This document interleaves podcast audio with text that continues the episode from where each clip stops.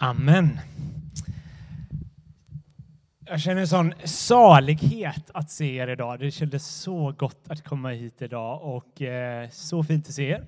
Jag känner de flesta här, men eh, någon enstaka känner jag inte igen. Jag heter Joel McInnes och jag är en av ledarna här i församlingen.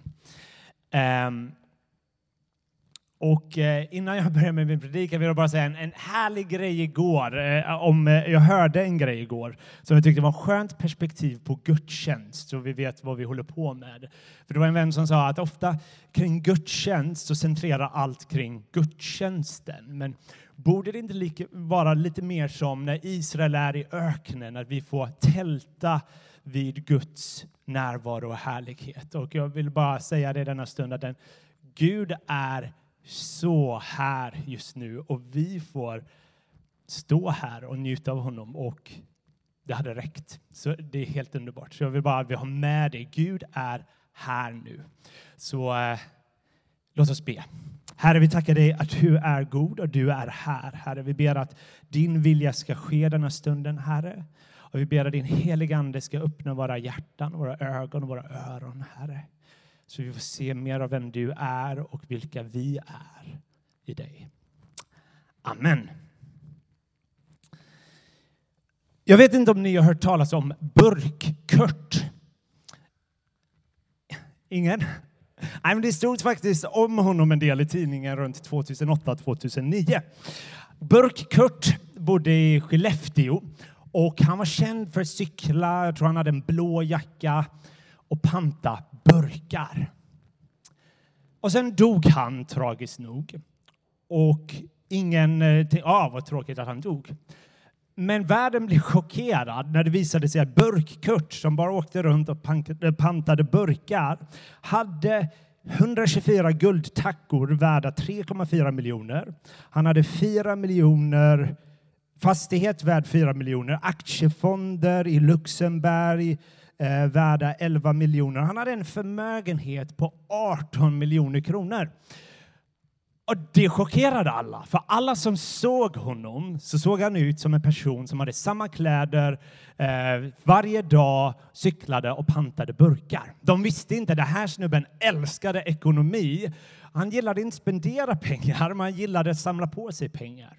Så på ett sätt så såg han ut att vara kanske en, en fattigare person som inte hade råd med mycket. Men på ett sätt, hans status var på ett sätt dold för alla andra runt omkring.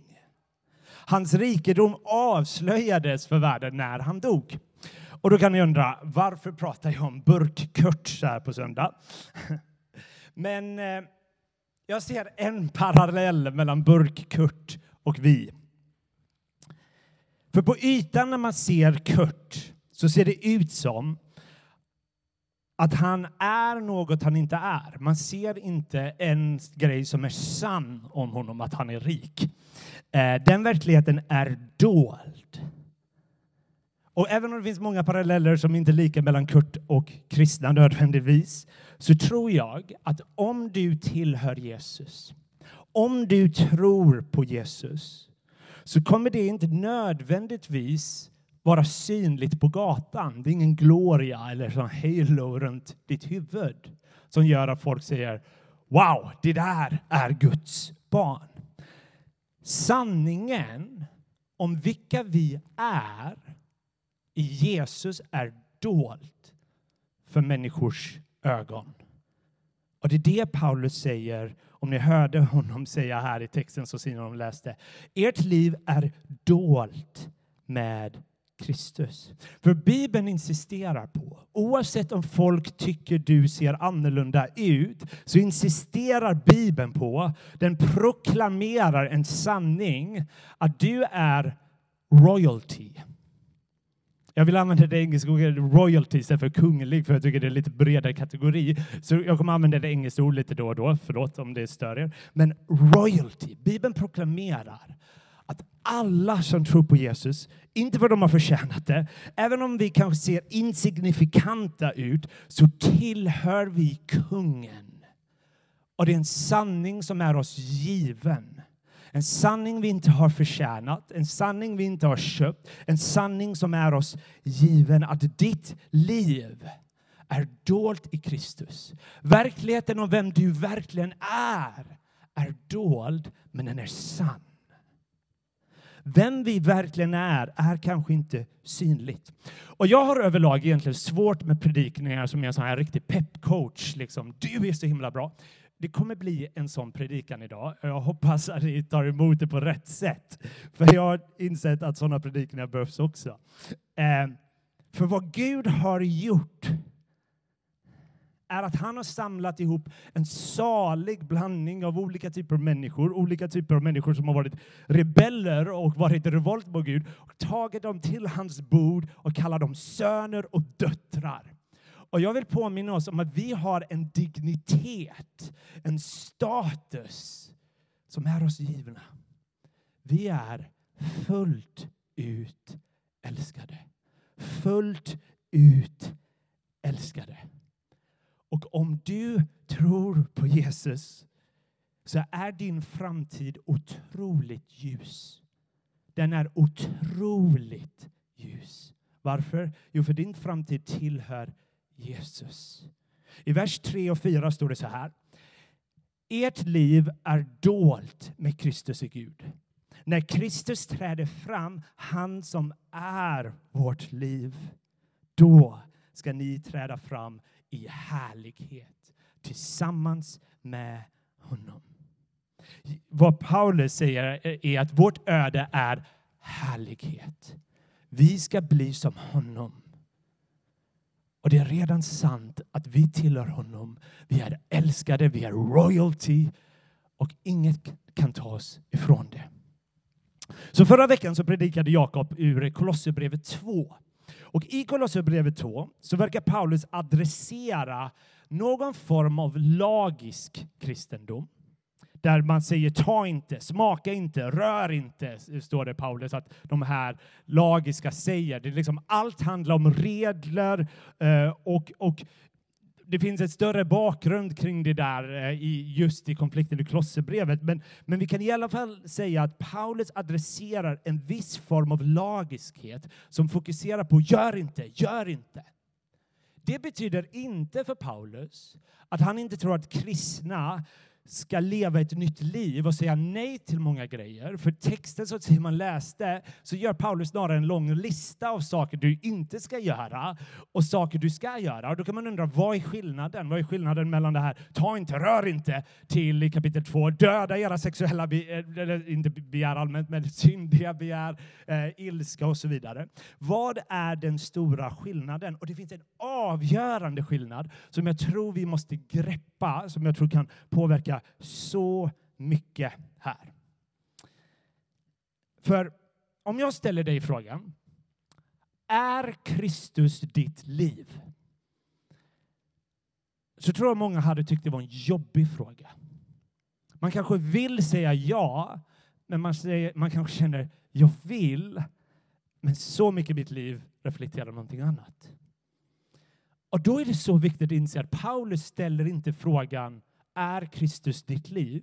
Det är inte en fråga han ställer här, utan det är en sanning han proklamerar. Kristus är ditt liv. Han ställer inte frågan är Kristus ditt liv, utan han proklamerar en sanning över alla kristna, oavsett om man är nykristen, gammal kristen, whatever. Kristus är ditt liv. Och den poängen är väldigt viktig här. Så låt mig ha en två minuters grammatisk lektion här. Eh, om, för i Nya Testamentet så används två grammatiska begrepp väldigt ofta. Någonting som kallas indikativ och någonting som kallas imperativ. Så indikativ, det är på, påståenden om saker som är sant. Jag, jag, eh, jag kommer inte på några sanningar, men Jakob sitter på en bänk. Eh, olika saker, statements, fakta, eh, saker jag påstår är sant. Imperativ är uppmaningar, befallningar. Gör detta. Och en del av oss som har varit i kyrkan länge älskar imperativ. Så när vi slår upp Bibeln så letar vi efter imperativ, befallningar. Så vi har någonting att arbeta med. Vad ska vi göra? Eh, eh, ge mig lite juicy stuff. Liksom. Jag tror att många av oss predikanter kan dras till det, för vi vill ha saker som vi kan tillämpa. Gör det här, gör det här och så vidare. Medan andra klarar inte av imperativen. De älskar indikativen, de här sanningspåståenden. För man känner bara press, man känner bara krav när man hör imperativen. Så vissa av oss dras åt imperativ, andra åt indikativ. Och här är det så viktigt att se hur Nya testamentet ställer ständigt indikativ och imperativ bredvid varandra. Detta förekommer hela tiden. När man väl har sett det så kommer man att se Nya testamentet gör först ett indikativt påstående, sen ett imperativt påstående.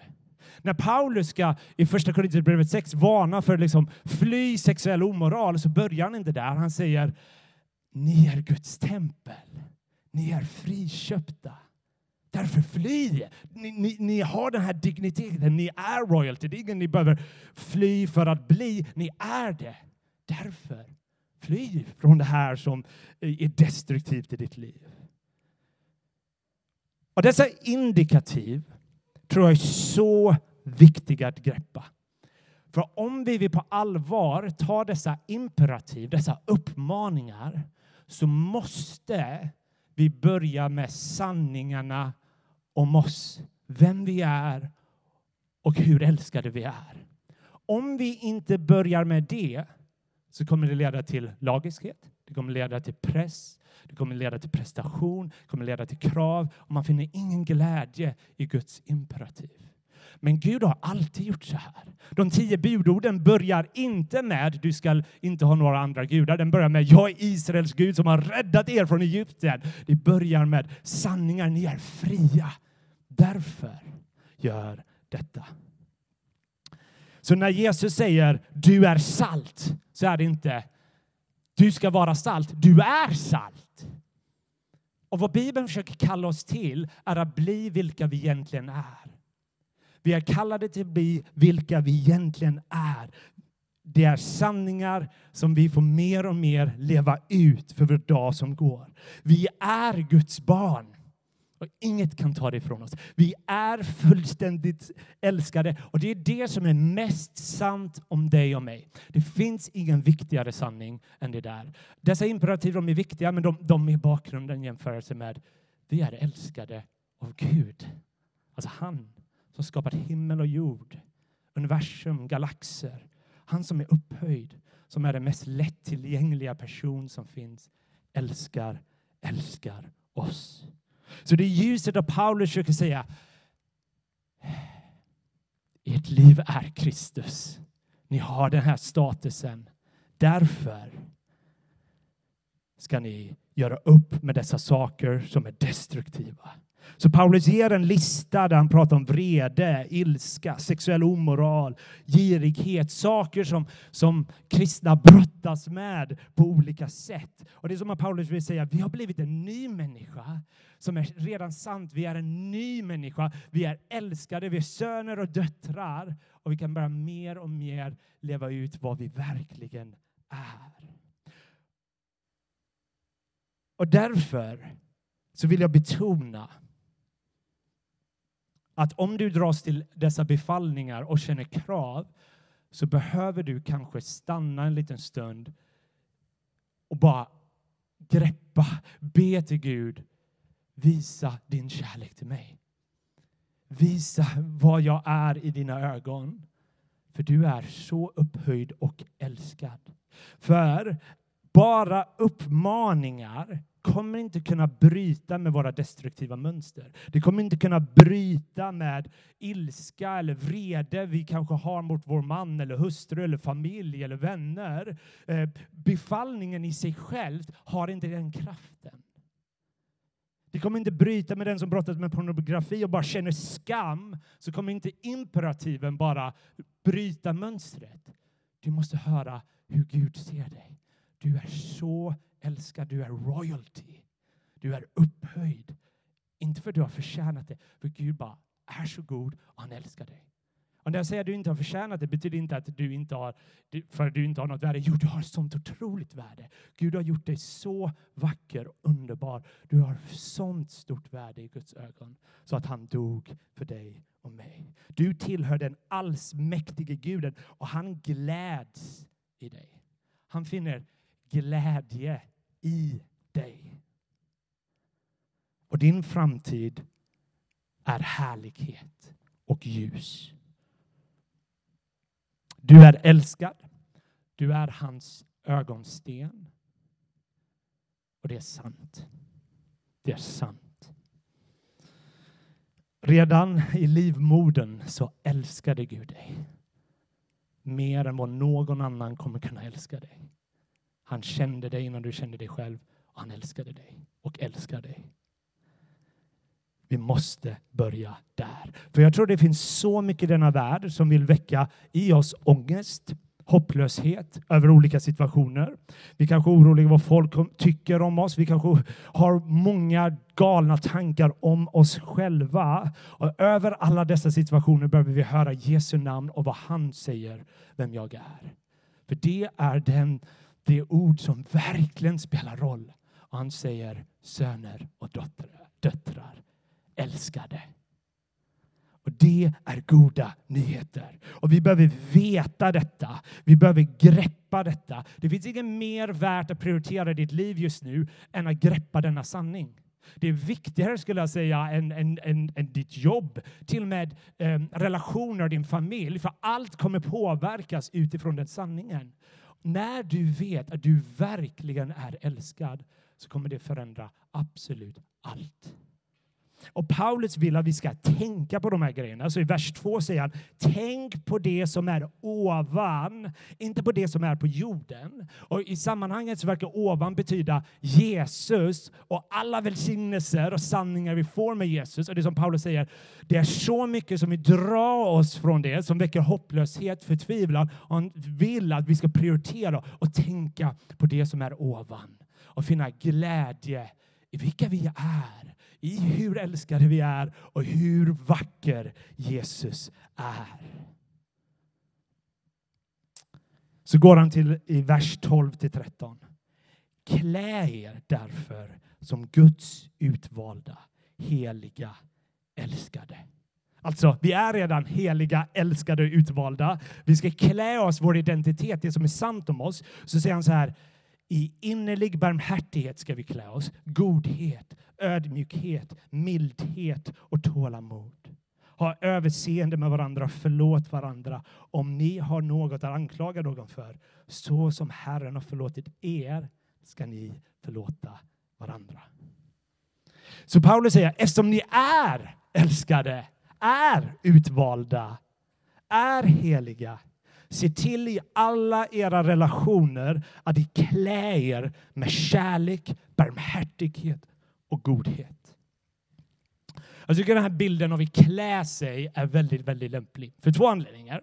Delvis, kläder säger någonting om vilka vi är. Det kan säga någonting om, det säger väldigt mycket om en, ens person. Eh, det kan till och med säga vad man jobbar med och så vidare. Men ehm, min eh, äldsta bror, inte han, men eh, en annan bror, eh, har två tvillingar. Och ibland hakade jag på. Vi hade sån måndagshäng där jag hjälpte han att passa de här kidsen när de var väldigt små, när båda behövde bäras och så vidare.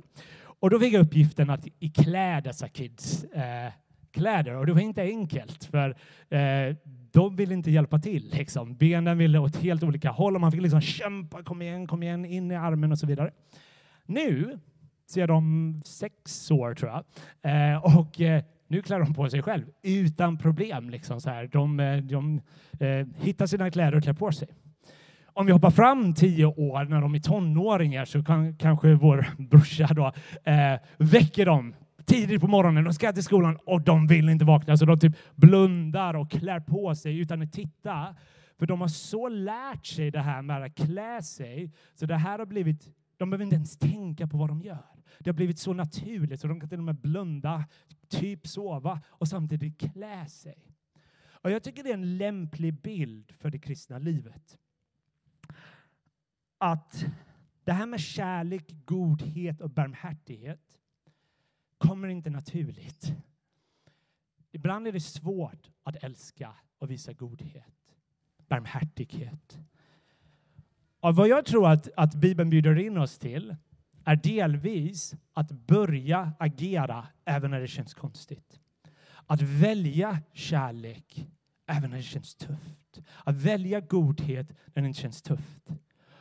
Och ju mer vi gör detta tillsammans med den heliga Ande så formas våra personer så vi mer och mer blir naturligt av vilka vi är. Så det är en process, en vandring med den helige Ande där vi formas successivt, där vi börjar visa kärlek, överträffa varandra i kärlekshandlingar när vi halvsover till och med. Och därför också när, när till exempel kärlek, det är tufft ibland att, att, eh, att, eh, att, eh, att, älska. Och då tror jag det är viktigt att vi ber för personer som, som, som ah, det är svårt att älska den personen just nu. Då ber vi om välsignelse. Och då tror jag Gud gör saker med våra hjärtan och våra tankar. Och det här är vad Gud bjuder in oss till. Så jag ska börja avrunda lite. Vad Paulus vill säga i den här texten är tänk på det som är ovan. Tänk på det som är ovan. Tänk på Jesus och vilka vi är. Och här tror jag det finns en viktig uppmaning till oss kristna att peka på Jesus för varandra. I Hebreerbrevet 3 så talas det om att eh, uppmuntra varandra dagligen att det är del av det kristna livet tillsammans. Och då tror jag att vi behöver påminna oss om vilka vi verkligen är. vi är royalty. Vi tillhör Gud. Vi är älskade och inget kan förändra det. Jesus har förklarat det som sant. Han själv är kungen. Han är han. När han kom till jorden så välkomnade vi människor inte honom med röd matta som en kung borde, utan vi offentligt hånade honom, dödade honom på ett kors. Men detta gjorde han gladligen för oss för att förklara att vi är royalty, att vi tillhör honom. Alla skatter som finns i Kristus är vår. De är på riktigt. Och han är djupt involverad i våra liv just denna sekund. Du kanske inte känner det emotionellt, men det är det. Han är djupt involverad i ditt liv och han ser dig. Han ser dig och han älskar dig.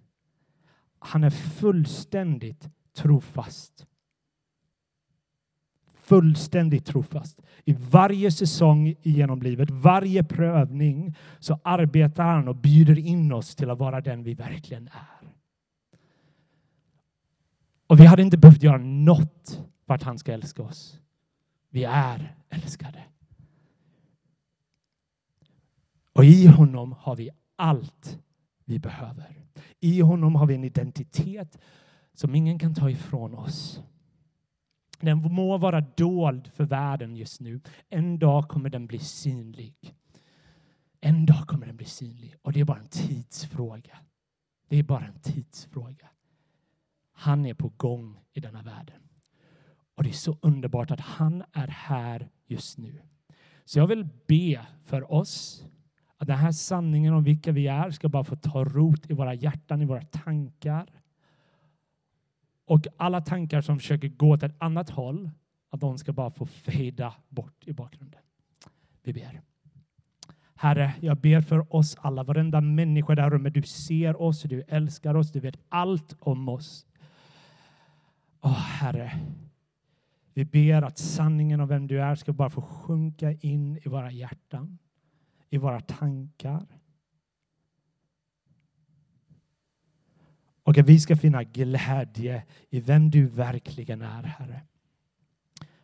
Herre, vi tackar dig för din godhet och din nåd. Och Herre, för de som brottas med prestation och krav när det kommer till tron, Herre. Herre, vi ber att du ska bara uppenbara hur älskade de är. Hur älskade vi är. Och att inget kan ta oss ifrån detta. Så Herre, vi ber att du kommer med frid. Frid i våra hjärtan, i våra tankar denna stund, Herre. Så vill vi lovsjunga dig denna stunden, Herre. Tillsammans med alla änglar i himmelriket vill vi bara lovsjunga inför din närvaro. För du är här. Amen.